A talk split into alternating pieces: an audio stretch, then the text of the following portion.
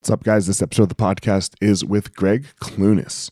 Um, man, I just randomly hit Gregg up. I did an internet search on uh, popular podcasts in, in a genre, and his came up.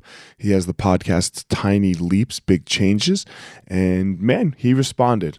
And I was super grateful for that. And we talked about a whole host of things, including um, what he sees wrong in the personal development field. So, uh, without further ado, here we go.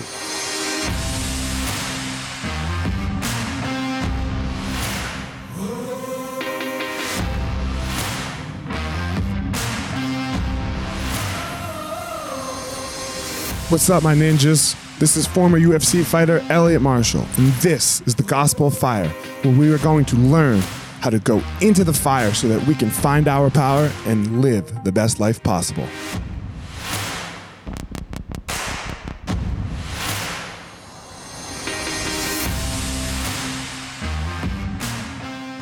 What's up, guys? Elliot here. Um, before we get started, I have started a Patreon account. Patreon is a place where you can go to help support the podcast. Uh, I would greatly appreciate it if you are finding it useful. I have one tier right now um, for the first 50 people. You will get all of the short hitters, all of the little inspirationals on Tuesday, Wednesday, Thursday. They're going to move behind the Patreon, so you, you'll have to subscribe to get them and then also a monthly ask me anything and a recipe and a jiu-jitsu technique uh, will all come directly to you. And that's it. So patreon.com backslash elliot marshall. And thank you all for your help.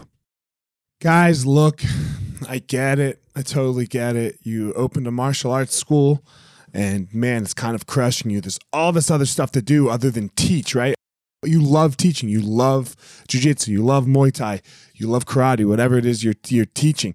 And man but there's all this other stuff. There's there's the front desk there's there's taxes there's curriculum there's cleaning there's there's problems staffing covering. Whew, man it's so much it's so much. Well, let me tell you, uh, we have started what's called Easton Online, and Easton Online is here to solve all of these problems for you. Easton Online is a digital academy for martial arts school owners and managers.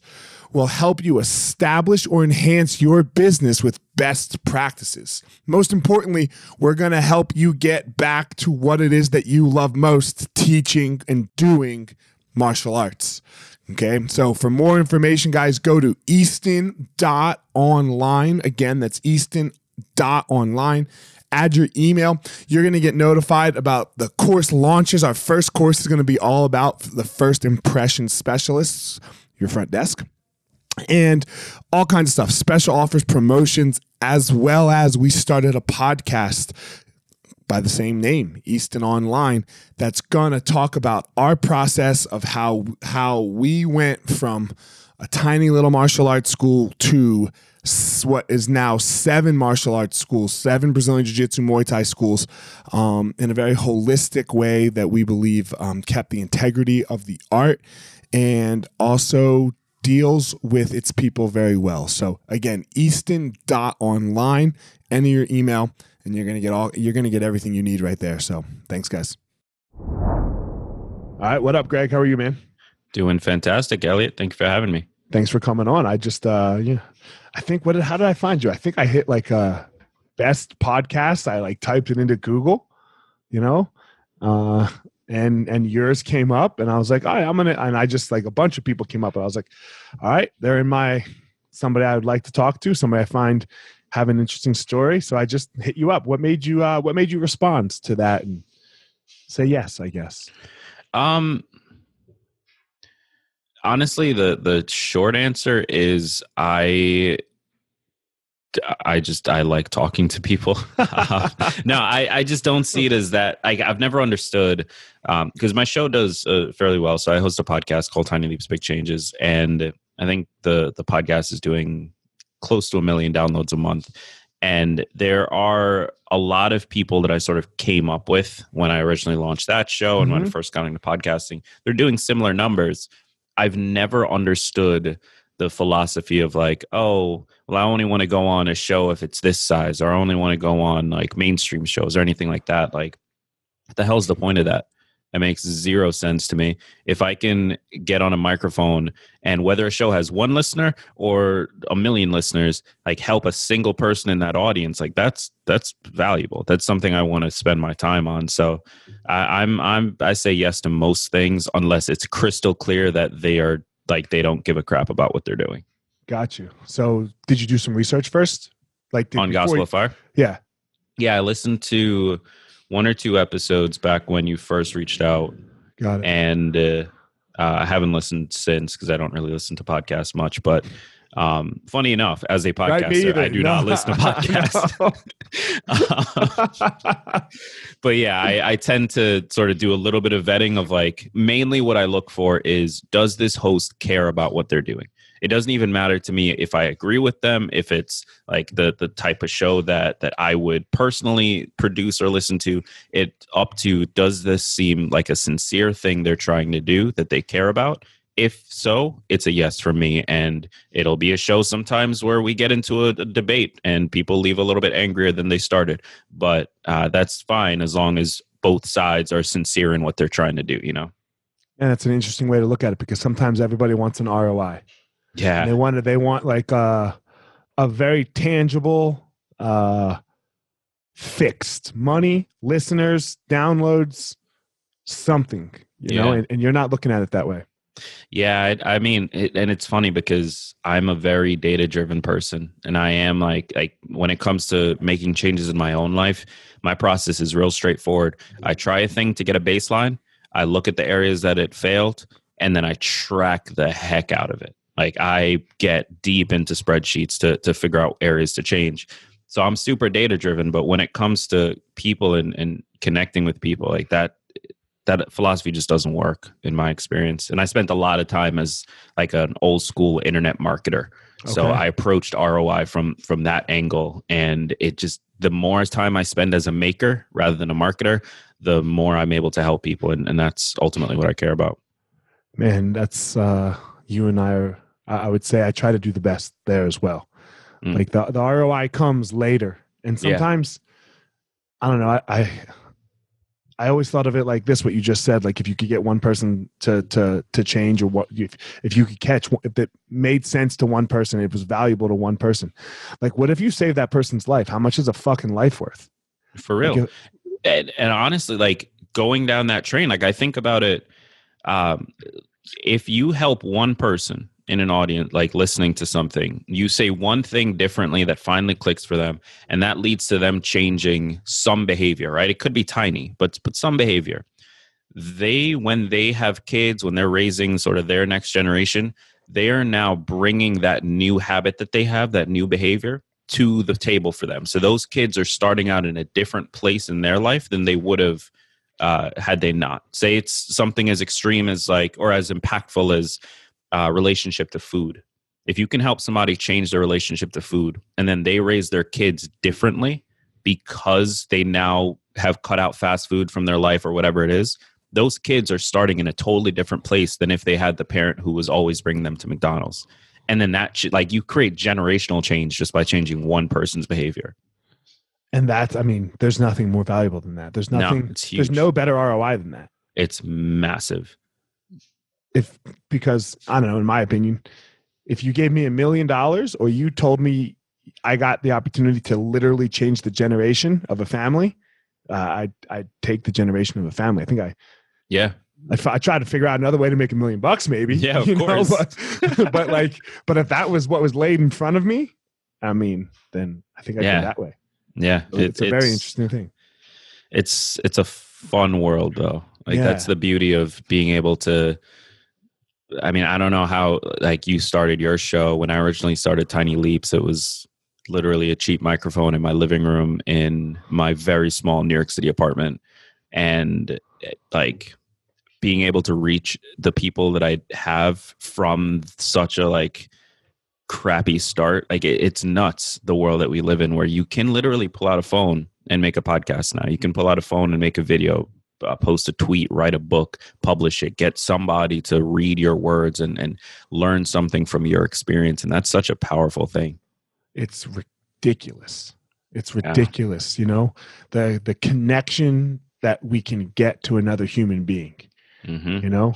And then if you can really harness that connection you know, like it's it's it's amazing. Like that that part of the social media is is my favorite part of it because look i mean i don't know what i would be doing right now and you know if i if if, if there weren't for that ability to connect with somebody because i wouldn't have been able to connect with you Yeah. um, I always joke that um, I my personality is uniquely suited to exist in this exact era right now. Because if I was born 30, 40, 50 years earlier and like missed all like I have no idea what I would do for a career. I have zero clue. I have such little interest outside of what we're able to do on a day-to-day basis. Like I have no clue what I would have done. it's so interesting have you ever read malcolm gladwell's book outliers Yeah. that's what he talks about right Yeah. like he talks about like take bill gates if bill gates wasn't born exactly when he was born in the area even i mean like he narrowed it down to like where he was born in Mhm. the in the in the upper northwest right uh then he wouldn't have been bill gates Yeah. like he would have been he still And would have been only bill gates but Yeah, not only that, the entire world of computing would be drastically different right. if one key thing around Bill Gates' birth was different. yeah. Insane. Wild. it's insane you know? It's it, it's so crazy that like just thinking about that concept is i mean we could, we could do a whole fucking podcast about that. Um man so how did how did you come to this? How you know you say you you grew your podcast you know man a million downloads a month we got to talk afterwards 'cause i need some help obviously yeah. Happy um to. how did where first of all why did you start what what made you want to go down this route Yeah. Um, so funny enough, the why and the how are kind of the same answer. Um, so I we were talking before. I was born in Kingston, Jamaica, um, which for those who only really know Jamaica as sort of like a tourist destination, it is a developing country. And growing up there, like my family, at least from my perspective as a young kid, I moved here when I was eight. As a young kid, my family was doing fine. Like never really had to worry about getting food or never went to bed hungry. Like none of those things, right? Compared to some other people in Jamaica. Um, the reality of it was that we did fine because my dad and my mom were stupidly ambitious and stupid hardworking. Uh, and at some point, the economy just flatlined for whatever reason. And that's what led to my my mom and my dad deciding you know what? We're going to pack up. We're going to move to the united states. And uh, we had some family here I had a few aunts uh, but really no like big connections or anything like that just sort what of did your parents out. do So my dad did a lot of things. He's actually I'm a lot like him in the sense that he was at one point a police officer. He was a professor. He ran uh, multiple businesses. He uh, I believe he did something in politics at some point. Like he, I, I can't keep track of what his career was. okay Um, and my mom, when we lived in Jamaica, uh, she was a stay at home, but she graduated from college with like a focus in um, interior design and that sort of thing. So, yeah, they they just decided there's nothing here. We're going to go to the U.S. And that that decision is the reason why I am who I am uh, because I think that even if we'd stayed in Jamaica and been successful and everything was great, and then I came later on or something like that, like this unique experience of being an immigrant at a young age and seeing the immigrant story, the the work hard, climb your way up sort sort of story without experiencing it directly because they protected me from that, that shaped so much of who I am. That's what made me realize from a very young age that it was possible to create change, that things didn't have to stay the way that it always was and always had been. Because quite literally, that was the definition of my life to that point. It was just change. That was normal for me. Um, and and when we got here, my dad's first job, uh, actually prior to us moving here, he moved up a year before us to sort of establish things. His first job here was picking apples on an apple orchard and by the time he passed away a few years ago like he was in management at a major bottling plant in new jersey that works with a few major brands around the country um, and and like he he really built himself up and, and my dad my mom came here she started working she got into the healthcare field and she's still working to this day. So they really laid the groundwork for me of what was possible and and how much control you actually had over your life regardless of sort of the external circumstances that are outside of our control. And all of that is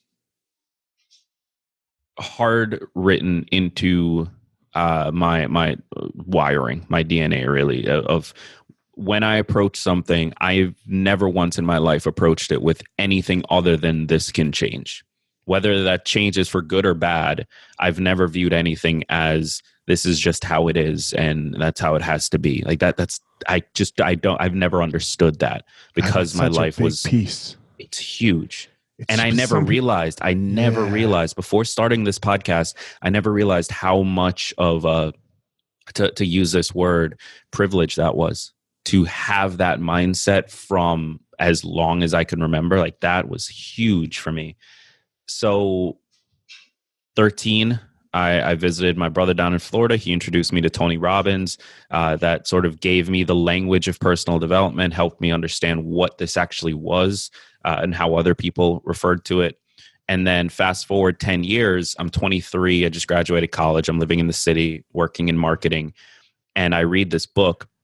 I, I was an avid like personal development reader. I, I pick up this book that a friend of mine wrote, and I actually like sitting there just angry just frustrated at this book the fact and and i remember sitting there we were just talking about how good it is that anyone can put out anything dark side of that is that anyone can put out anything and there's no review system for that. Have and I told so, you about the flat earth, my friend? so you get situations where people put stuff out that have good intentions, but leave out context that is critical and especially when it comes to an industry that is dedicated to helping people change their lives and make big decisions like self-help and personal development that can get dangerous really fast. You get a lot of people quitting jobs to pursue their passions with zero experience running businesses zero sales experience zero biz, uh, experience raising money or uh, uh, selling anything developing a product like any of the the key requirements to successfully build a business, they've got none of it. But they quit their jobs. They pursue this thing because they read a book that said if you find your passion, that's all you need. And then they end up in a worse spot. So I, I wanted to make you something said you read this book on. I, I, think I read. I read. You read this book on uh, on a subway, sitting next to your girlfriend. Yeah. Right? So my my girlfriend and I were actually heading to. Uh, uh, we are heading out that night. It was date night, okay. and I had this book on my Kindle. Was reading through it, and I was sitting there like, basically complaining to her the entire time. Like, oh, this line is annoying, and this thing is wrong, and this like just like going through it and and finally i was like somebody's got to make something that like counters this. This is dangerous. And she was like why don't you just do it? And yeah that's sort of where the the idea started. That night i went home journaled. I had like six different name ideas for it. I knew it was going to be a podcast because that happened to be uh, i'd been in podcasting for probably two years at that point. So i could i knew i could quickly turn that around. It was like december 21st i wanted it to drop january 1st 2016 2016. So uh, 2015 to 2016. So you're four years in, five years in. Yeah, I'm about to hit five in January. Um, and and yeah, it's from that point on. I had this idea, pushed it out immediately, and it's been one of the most revealing experiences I've I've ever had in my life, both in terms of learning about myself and and what my limitations are, what I believe about myself, but also learning about the industry and the people and how self-help has unfortunately failed as as a, a, a, tool for most people in the world and most people in the country. Explain um, that more. quite honestly and, and i'm going to be very frank here it's a it's a, a privilege. Like self-help is followed primarily by middle upper middle and upper class because the people who can afford the books and the courses and the training programs and the $10,000 Tony Robbins events, like all of like they're the people who are mostly fine anyway. The people who aren't even thinking about that, it's not on their radar, are unfortunately the majority. and and I I, I don't want to get too much into politics. I mean, I'm happy to. I don't want to force it into politics unless uh, you want to go there. But it's unfortunate when I look around and we see every single personal development book says the exact same thing.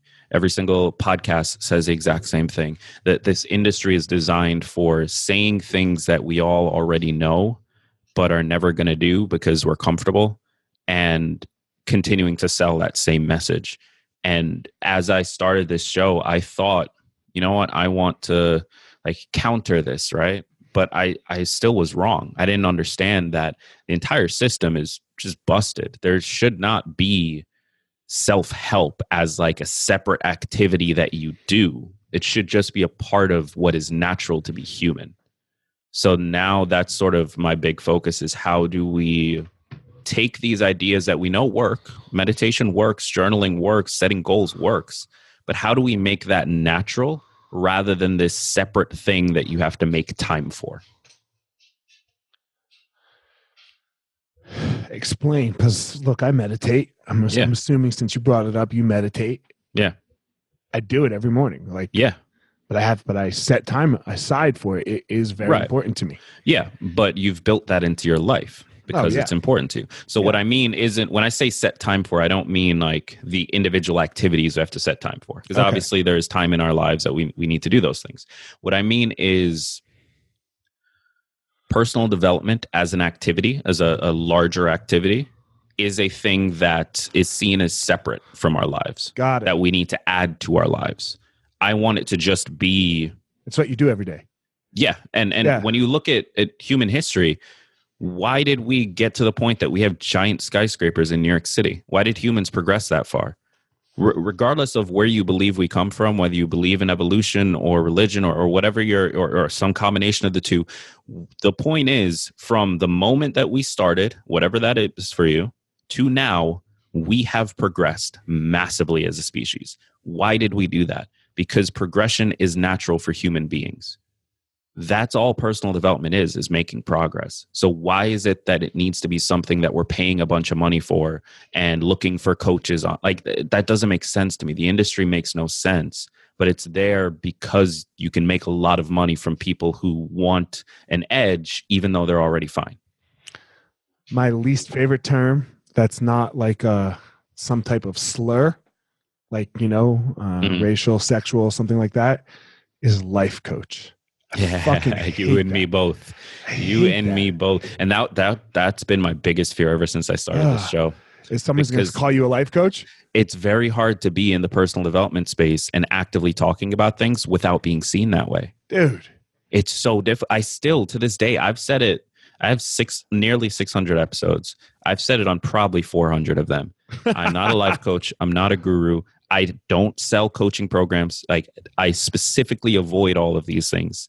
Still, I get people like asking me if they can pay me X thousands of dollars to coach them.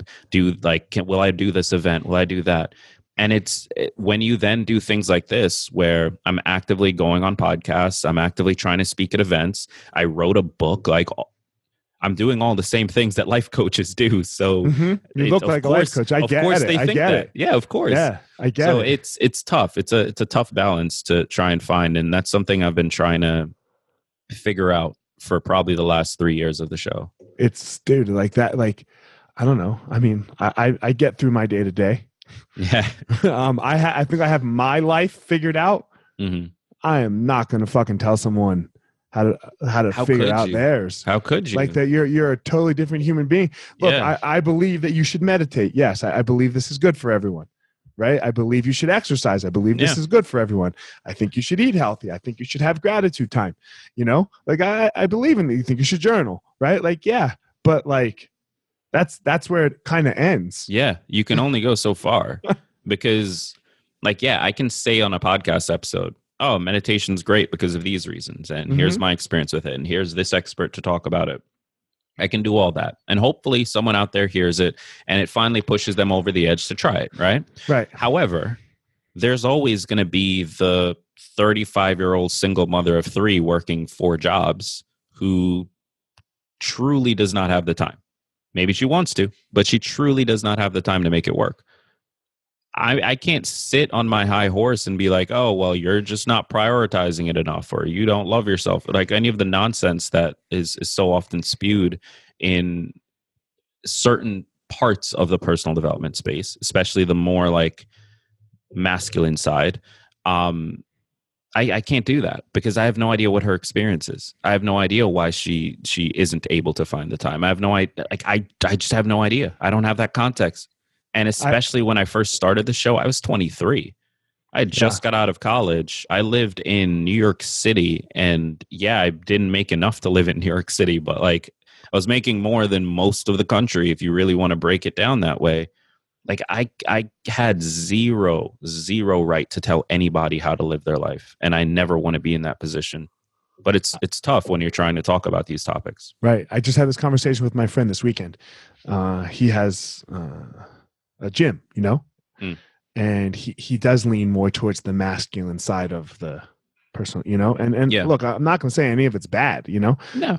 You know, but but and he and uh he was like, man, Mon- Monday, Wednesday, Monday, Wednesday, Friday at noon, my place, come work out. You know, I was like, bro, are you crazy? Like, my, like, I, if I'm gonna exercise, I got to get that shit done by 8 a.m. 9, a, you know, like, because, or it has to happen way later because yeah. the middle of the day, I have seven schools. Yeah. Like, we have seven martial arts schools. It's the middle of coronavirus. Two kids at home getting homeschooled because, you know, I can't fucking like in, in your gyms. Yeah. like I, I, can't set aside two hours of my day, like in the middle of it. Like mm-hmm. he's like, it's not a priority for you. I was like, no, I exercise, but yet you, but that is kind of correct. Kind of like the same thing as like uh as the single mom. Like I don't have that hour. Yeah, you know. Yeah. And it's not that it's not a priority. Like it might be a big priority for that mother, like you were just saying but sh- the kid's got to eat. She's got to get to work. She's yeah. got, you know. So yeah, things fall, things are not as high of a priority. I would yeah. say. And then you, know? you get you get two different schools of thought. You have the sort of hyper masculine, like, oh well, it's not a priority. Uh, you you you could make the time if you really wanted to. All of that stuff that works for some people. And I, I always try to remember, like, different people get value out of different things. Like some people do want that and that works for them. That has never worked for me. That if anything, whenever it's treated as sort of like, and this was always me in school growing up, like when there is an authority figure telling me I have to do something, it doesn't matter anymore if I want to, I will not do it. That's my wife. Like I, I just can't. something turns off in my head. Um, That's you so my wife so like that's never worked for me it works for some people but for another group of people it turns them off and it makes them start to prioritize that thing less mm-hmm. because now they're associating that with feeling bad about themselves with uh, feeling like maybe they they aren't prioritizing it but then they try to and they can't find the time still because there is a legitimate reality that needs to be confronted and then you have the other side that goes and and to for lack of a better word goes a little bit more feminine where it's all about manifesting and mantras and mirror work and all of that stuff that like almost doesn't prioritize any action at all and you've got these two big extremes where one is like do it no matter what like bleed through it and make it happen and then the other side is just wish for it where the heck is a normal person going to find their place in that? That's so funny because, dude, I, uh, I, I don't know. You're you're just I, you're describing me on both ends a little bit. That's why I'm laughing. Because don't I mean I love some Jocko, bro. I, I love me oh, some yeah, Jocko, yeah, yeah. and I love me some Amy Porterfield. Ladies, raise a glass, and I'm just like, oh my god, am I really fucking watching this? But like I I don't, I don't know. I, I can find the good in, in it all sometimes. And there is. There definitely is. There's you know, a lot can, of people who uh, uh, found their way into choosing themselves, prioritizing themselves, trying to take action and set goals through the secret and through mm-hmm. like that approach to things. And there's a lot of people who found it through the gym and, and through like the personal trainer yelling at you approach to things.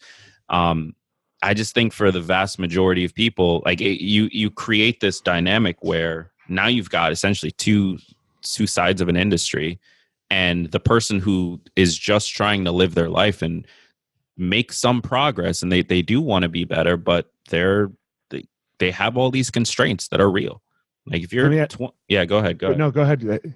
I was just going to say if you're 25 and you've got three kids and you're a single parent like that's not inherently a bad thing but that is a constraint. That is going to make it harder for you to do certain things that would move it, or, excuse me parts of your life forward and and you, we have to be able to acknowledge the reality of people's situations and not just treat it as oh they're making excuses. Like there is a reality that needs to be addressed. So i just got done this book and i really liked it. It was called it takes what it takes. Mm. and there but that that is kind of true right? Like if you want something it does take something. it does everything yeah. has a cost. Nothing yes. right? Everything has a cost. So you have like what so what do you tell that parent maybe maybe they're not even single parent. You have a yeah. 25 year old, three kids. They want something different. Yeah. How do we get my there? my approach has always been it. honestly, I, I haven't read that book. I'm gonna pick that up now. Um, but it is that model. Like I don't sit and lie to people that if they have certain constraints that they're going to be able to accomplish the same things that someone without those constraints will or that okay. they will be able to do that in the same timeline because timeline matters like you could, in theory, do that same thing. It just might take you 10 years longer. And that is a reality. That is what it takes. If you're willing to accept that, take a step forward. Um, so, my approach with Tiny Leaps, with everything that I, I try to do, is to focus on let's look at the reality of the situation, both from the larger reality of like what constraints are there on my life and on the the individual reality of what am I actually excuse me what am I actually doing? Uh, what what am I actually uh, taking uh, every single day? Where am I focused? And that's why I mentioned earlier I'm very data driven like for me when it comes to my personal change and I don't try to push this on anybody because I know not everyone is data driven but I record everything specific to the area that I'm trying to change. I just uh, uh, lost I think about 20 pounds in the last like four or five months. And that was very specific. That was something I was trying to do. I'm still sort of on that journey. A big part of that for me was when I decided about halfway through, I'm going to weigh myself every single morning. And the goal wasn't to actually look at the number and say, oh, is this like, am I on track or anything like that? It was to understand what the eating decisions I made the day before did to the numbers like I needed to understand that relationship so that I could make better choices. So I, am always pushing people to whether it's going to that extreme, which is what I do because that works for me. And I know that my mental health is at a place that I can take that without it affecting me negatively. So you can see the scale go up two pounds one day and it doesn't yeah, doesn't bother you, me. You, you don't like fuck. Yeah. The only time that it starts to be an issue for me is when you get into that slump where like four or five days in a row, maybe two weeks in a row, like no change whatsoever. Right. I'd almost rather it go up than like stay still for so long.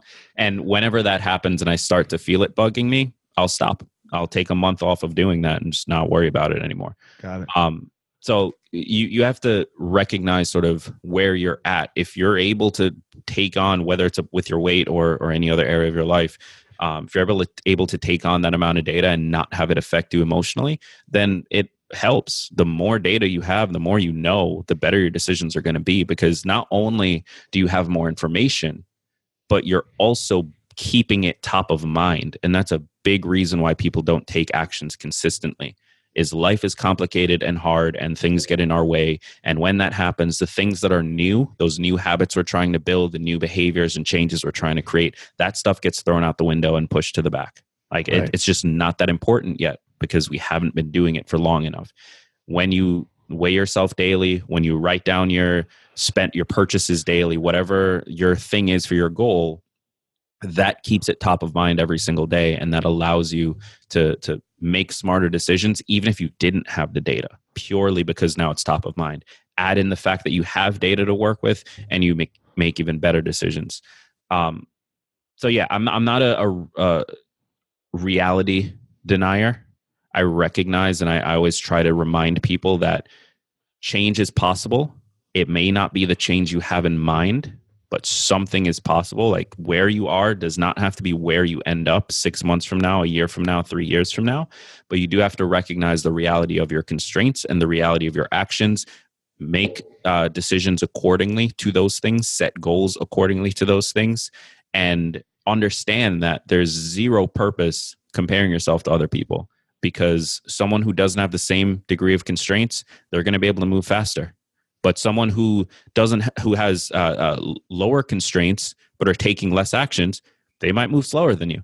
Like it all comes down to what are your constraints what are you doing and are you willing to stick in it for long enough to to get the result based on your life? That one's a big one too. Yeah. Right? Like you said you have a million downloads a month. I want a million downloads a month i want a million downloads a month next month but i've yeah. only been podcasting two years. I'm not yeah. at five. I'm not at five years. And you know, it's funny. Prior to this show, I hosted four other podcasts, and p- before I launched this show, I had launched 26 podcasts for clients. So a big reason why I'm at a million a month after five years is because this was this was like my 30 second podcast if you count all of my clients' podcasts. Right. Right. Yeah, you know, it's that saying, right? Your first 100 to 200 podcast episodes are going to be trash. Yeah. Absolute trash. Are you going to be there for 250? Yeah. Right? It's the same thing with with our lives. Right? Like this is what you're saying. It's not this the the the there's no get rich get rich quick thing. Yeah. And and a big part of this for me is also trying to get people in and this is tough to be clear for for individuals to do it's really really difficult it's something i struggle with on a day-to-day basis but trying to get us to shift what we consider as successful. So instead of focusing on outcomes and results and hey, I want to accomplish this thing, so do I did I do this or not? That's the the definition of success. Uh, making it so that progress, regardless of how small, still matters to some degree because that's like that's what gets you to stick with it long enough. And quite frankly, it is possible that things are impossible for you. Like I, I hate to be the bearer of bad news, but depending on how old you are, where you're starting from, the constraints you have, like it is possible that things are impossible. Not everything is possible. So you're telling me I'm not dunking anymore? Probably not. I, I apologize to say it, but it, it might. It's probably not going to happen. Like I'm, I'm probably not going to get into the NBA. I'm five eight and I can't dribble for shit, so I'm probably never going to make it. But that doesn't mean that I can't make progress in that direction. I may not get that specific outcome, but I can make progress in that direction. I can get good enough to school my friends. I can get good enough to maybe even be the best in the town. Like I can make progress if I want to in that direction. I just may never be able to get that specific outcome. Now, it's still for for depending on the outcome, you could. Like that's still eh, theoretically possible depending on what you want but if you're measuring success or failure, if I get into basketball and I say, okay, success means I make the NBA, I'm going to live the rest of my life as a failure because it's not possible for me. Not anymore. Maybe it was when I if I started younger, but right now it is no longer possible for me because I'm 28 and they they stop caring once you're like 18.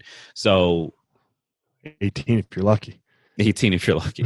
uh, so like you better get on someone's radar way before 18 bro so uh, yeah it it's just i think like we we really need to redefine what success and failure actually means because so many of us discount progress like you might be on a journey to lose 20 pounds lose 10 and feel mad at yourself because you didn't lose 20 why the hell would you not celebrate the 10 that doesn't make sense to me why would you not celebrate the 10?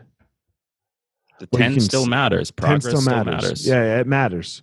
But you, you should, if you want to lose 20, you should celebrate the 10 and keep going. Yeah, I'm not saying stop. Okay. I'm saying if you gave yourself a specific amount of time, like, hey, I want to lose 20 by December 1st, and, and December happen. 1st comes and you lost 10, wow. you shouldn't beat yourself up because no. you didn't hit 20. Right. I Celebrate agree. that. Recognize that 10 is still valuable. 10 still matters. Progress still matters. And then you keep going if you still want to shoot for the 20. You could have gained 10. You could have gained 10. You could have done nothing. Right.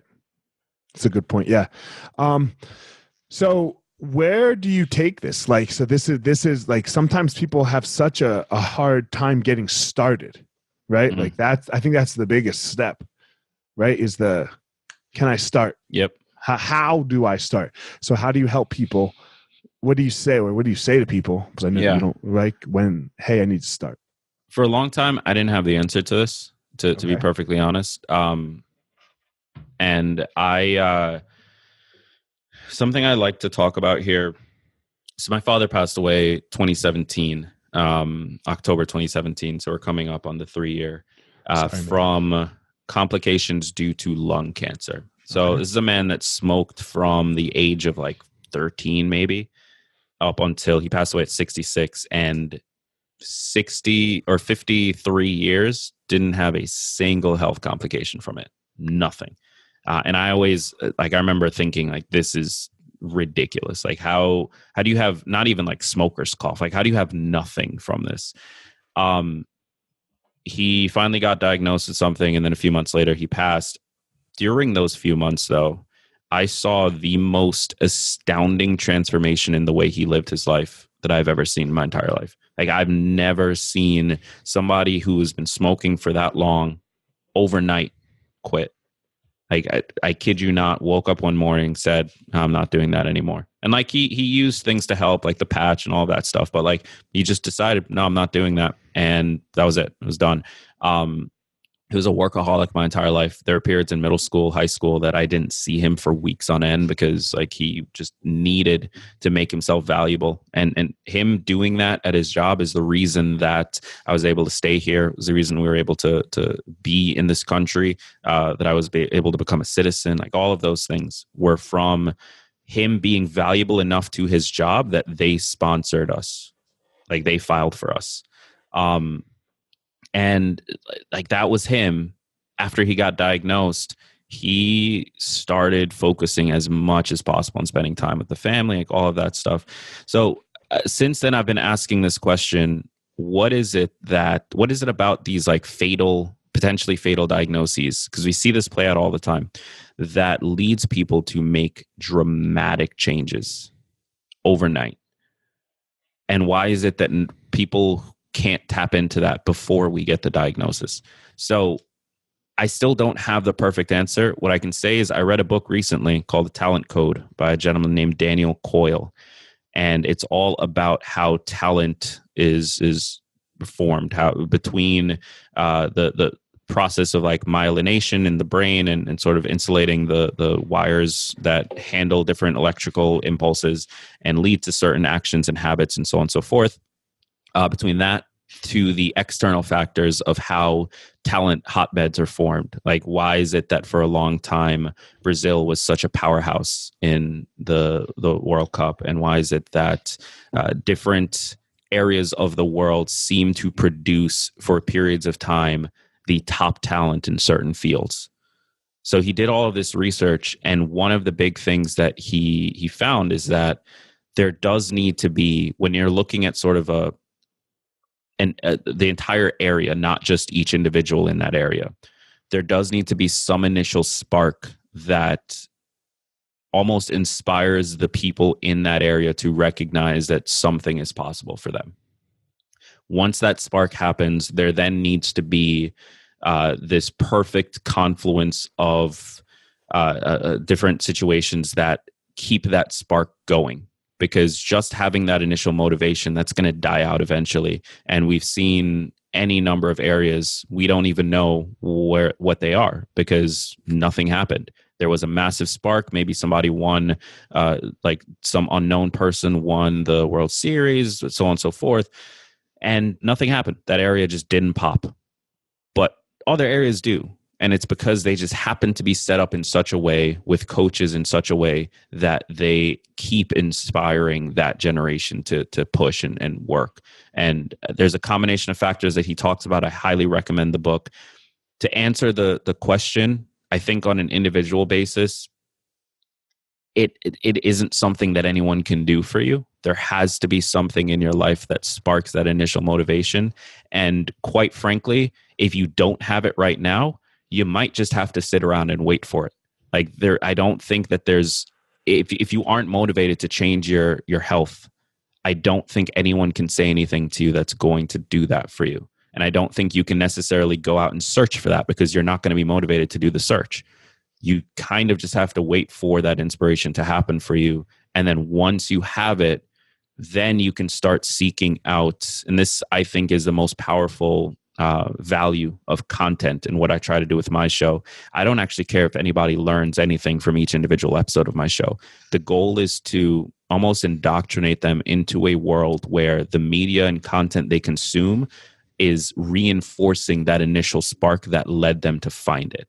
Because I want them to have some degree of consistent support when they hit those walls and they find those moments where they are questioning do i keep going or not? Like i want them to have a community of people. I want them to have a, a, a, world of content that they can lose themselves in that picks them back up in those moments.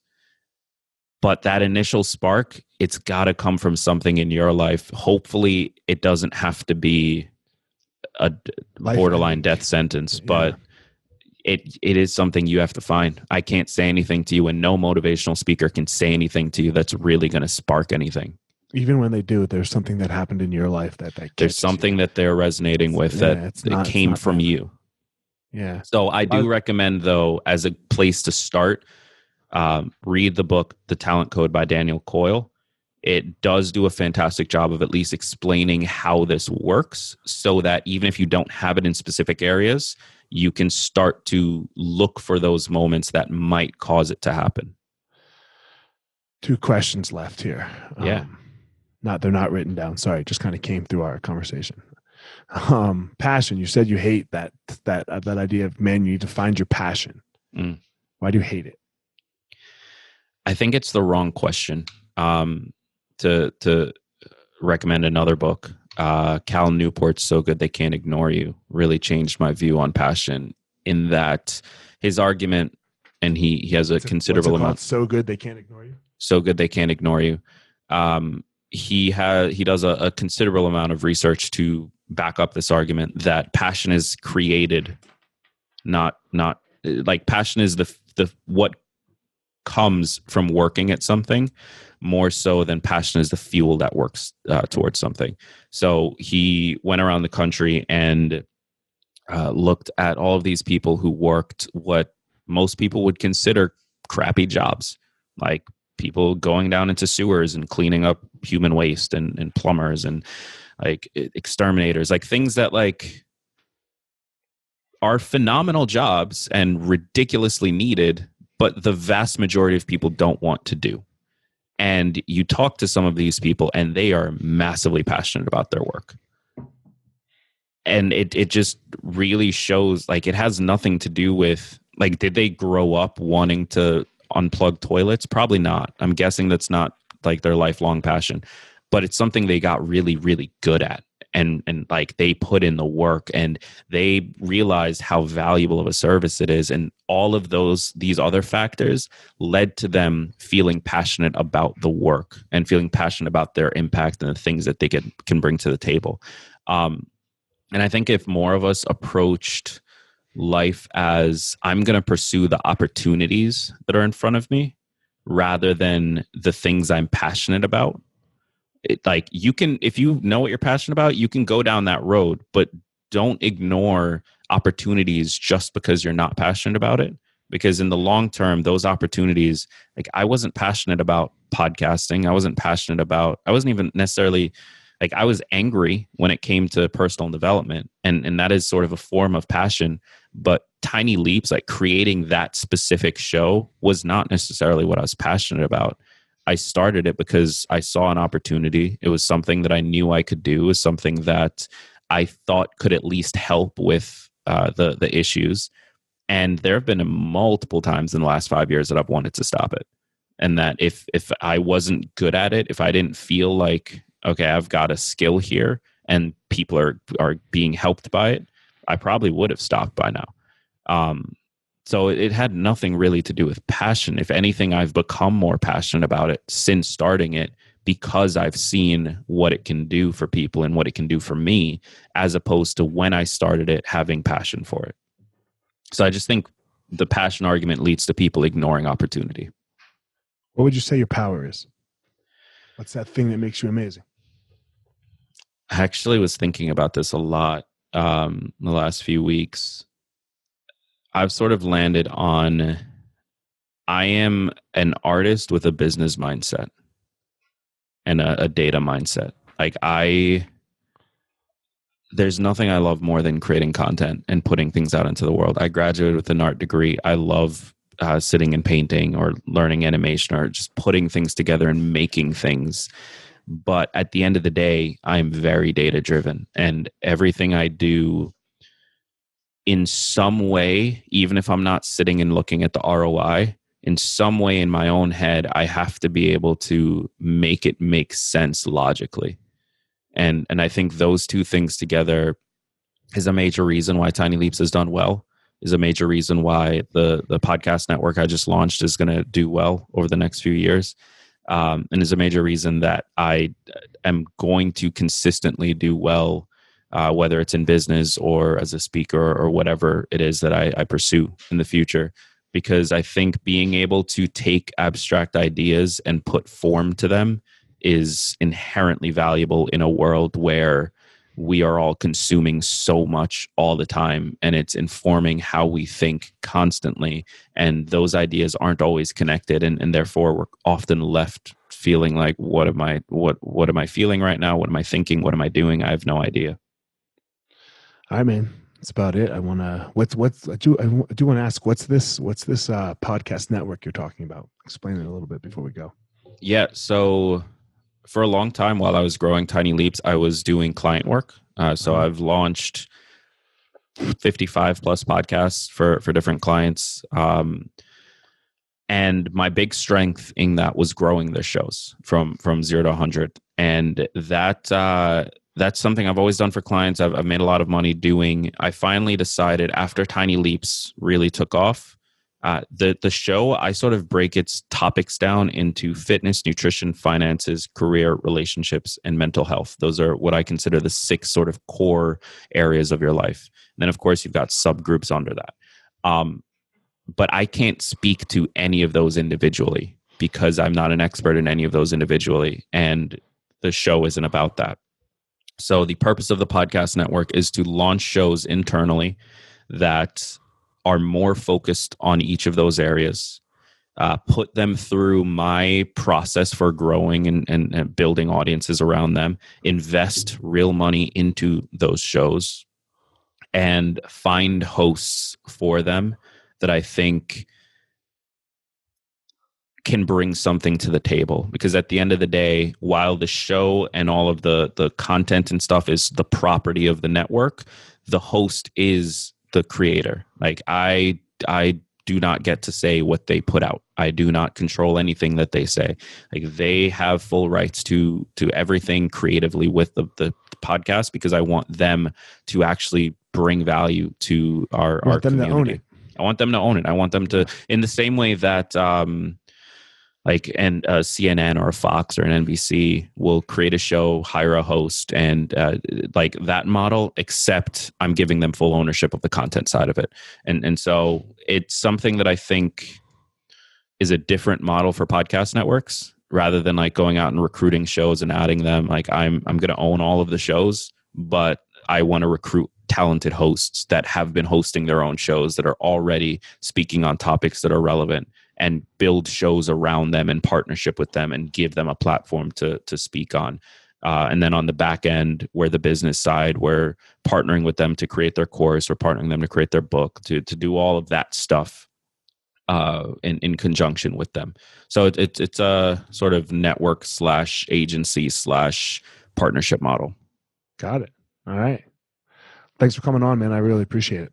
Thank you for having me tell everyone where they can reach you, find your show, what your, I mean, say the whole name of your show, all that. I'm sure. Most yeah. So uh, you're you're already listening to a podcast wherever you are tuned into this, even if it is over on YouTube. Just search "Tiny Leaps, Big Changes" and give my podcast a listen. There are close to 600 episodes. There may even be 600 now. Um, so start wherever you like. Quite frankly, that you can just sort of pick whatever jumps out at you. And then once you do that, reach out to me on Instagram at Tiny Leaps. That is the best place to connect with me. Send me a message and and let's jump into a conversation. And this uh, this podcast is proof that you respond. You personally responded, right? You put me in contact with your, I don't, what was her name? Nancy. Jackie. Yeah. Jackie. Yeah. You know, you Yeah. put me in contact with somebody, but you respond. So I think so many Yeah. people don't respond on on Instagram, and but like like you said, you you do, and you did. So uh, man, I thank you for that, guys. As always, uh, go check out Gregg's podcast, Tiny Leaps, Big Changes. Uh, Gregg has a unique power in the world, uh, as do I. Don't try to be Gregg. Don't try to be me. You go out there and you find your power. Be amazing in the world. All right, everyone. Thanks for listening to this episode of The Gospel of Fire. If you enjoyed the episode, I'd love a review on iTunes or wherever you are listening to this podcast. Don't forget to follow me on social media at FireMarshal205. If you are a BJJ enthusiast, check out my YouTube channel. I put all kinds of instructional DVD uh, videos out on there, so go check it out. My book is still out on Amazon by the same name as the podcast, The- Gospel of Fire. So if you are interested, go check out that. And most importantly, guys, go out there every day, find your power. Thanks a lot.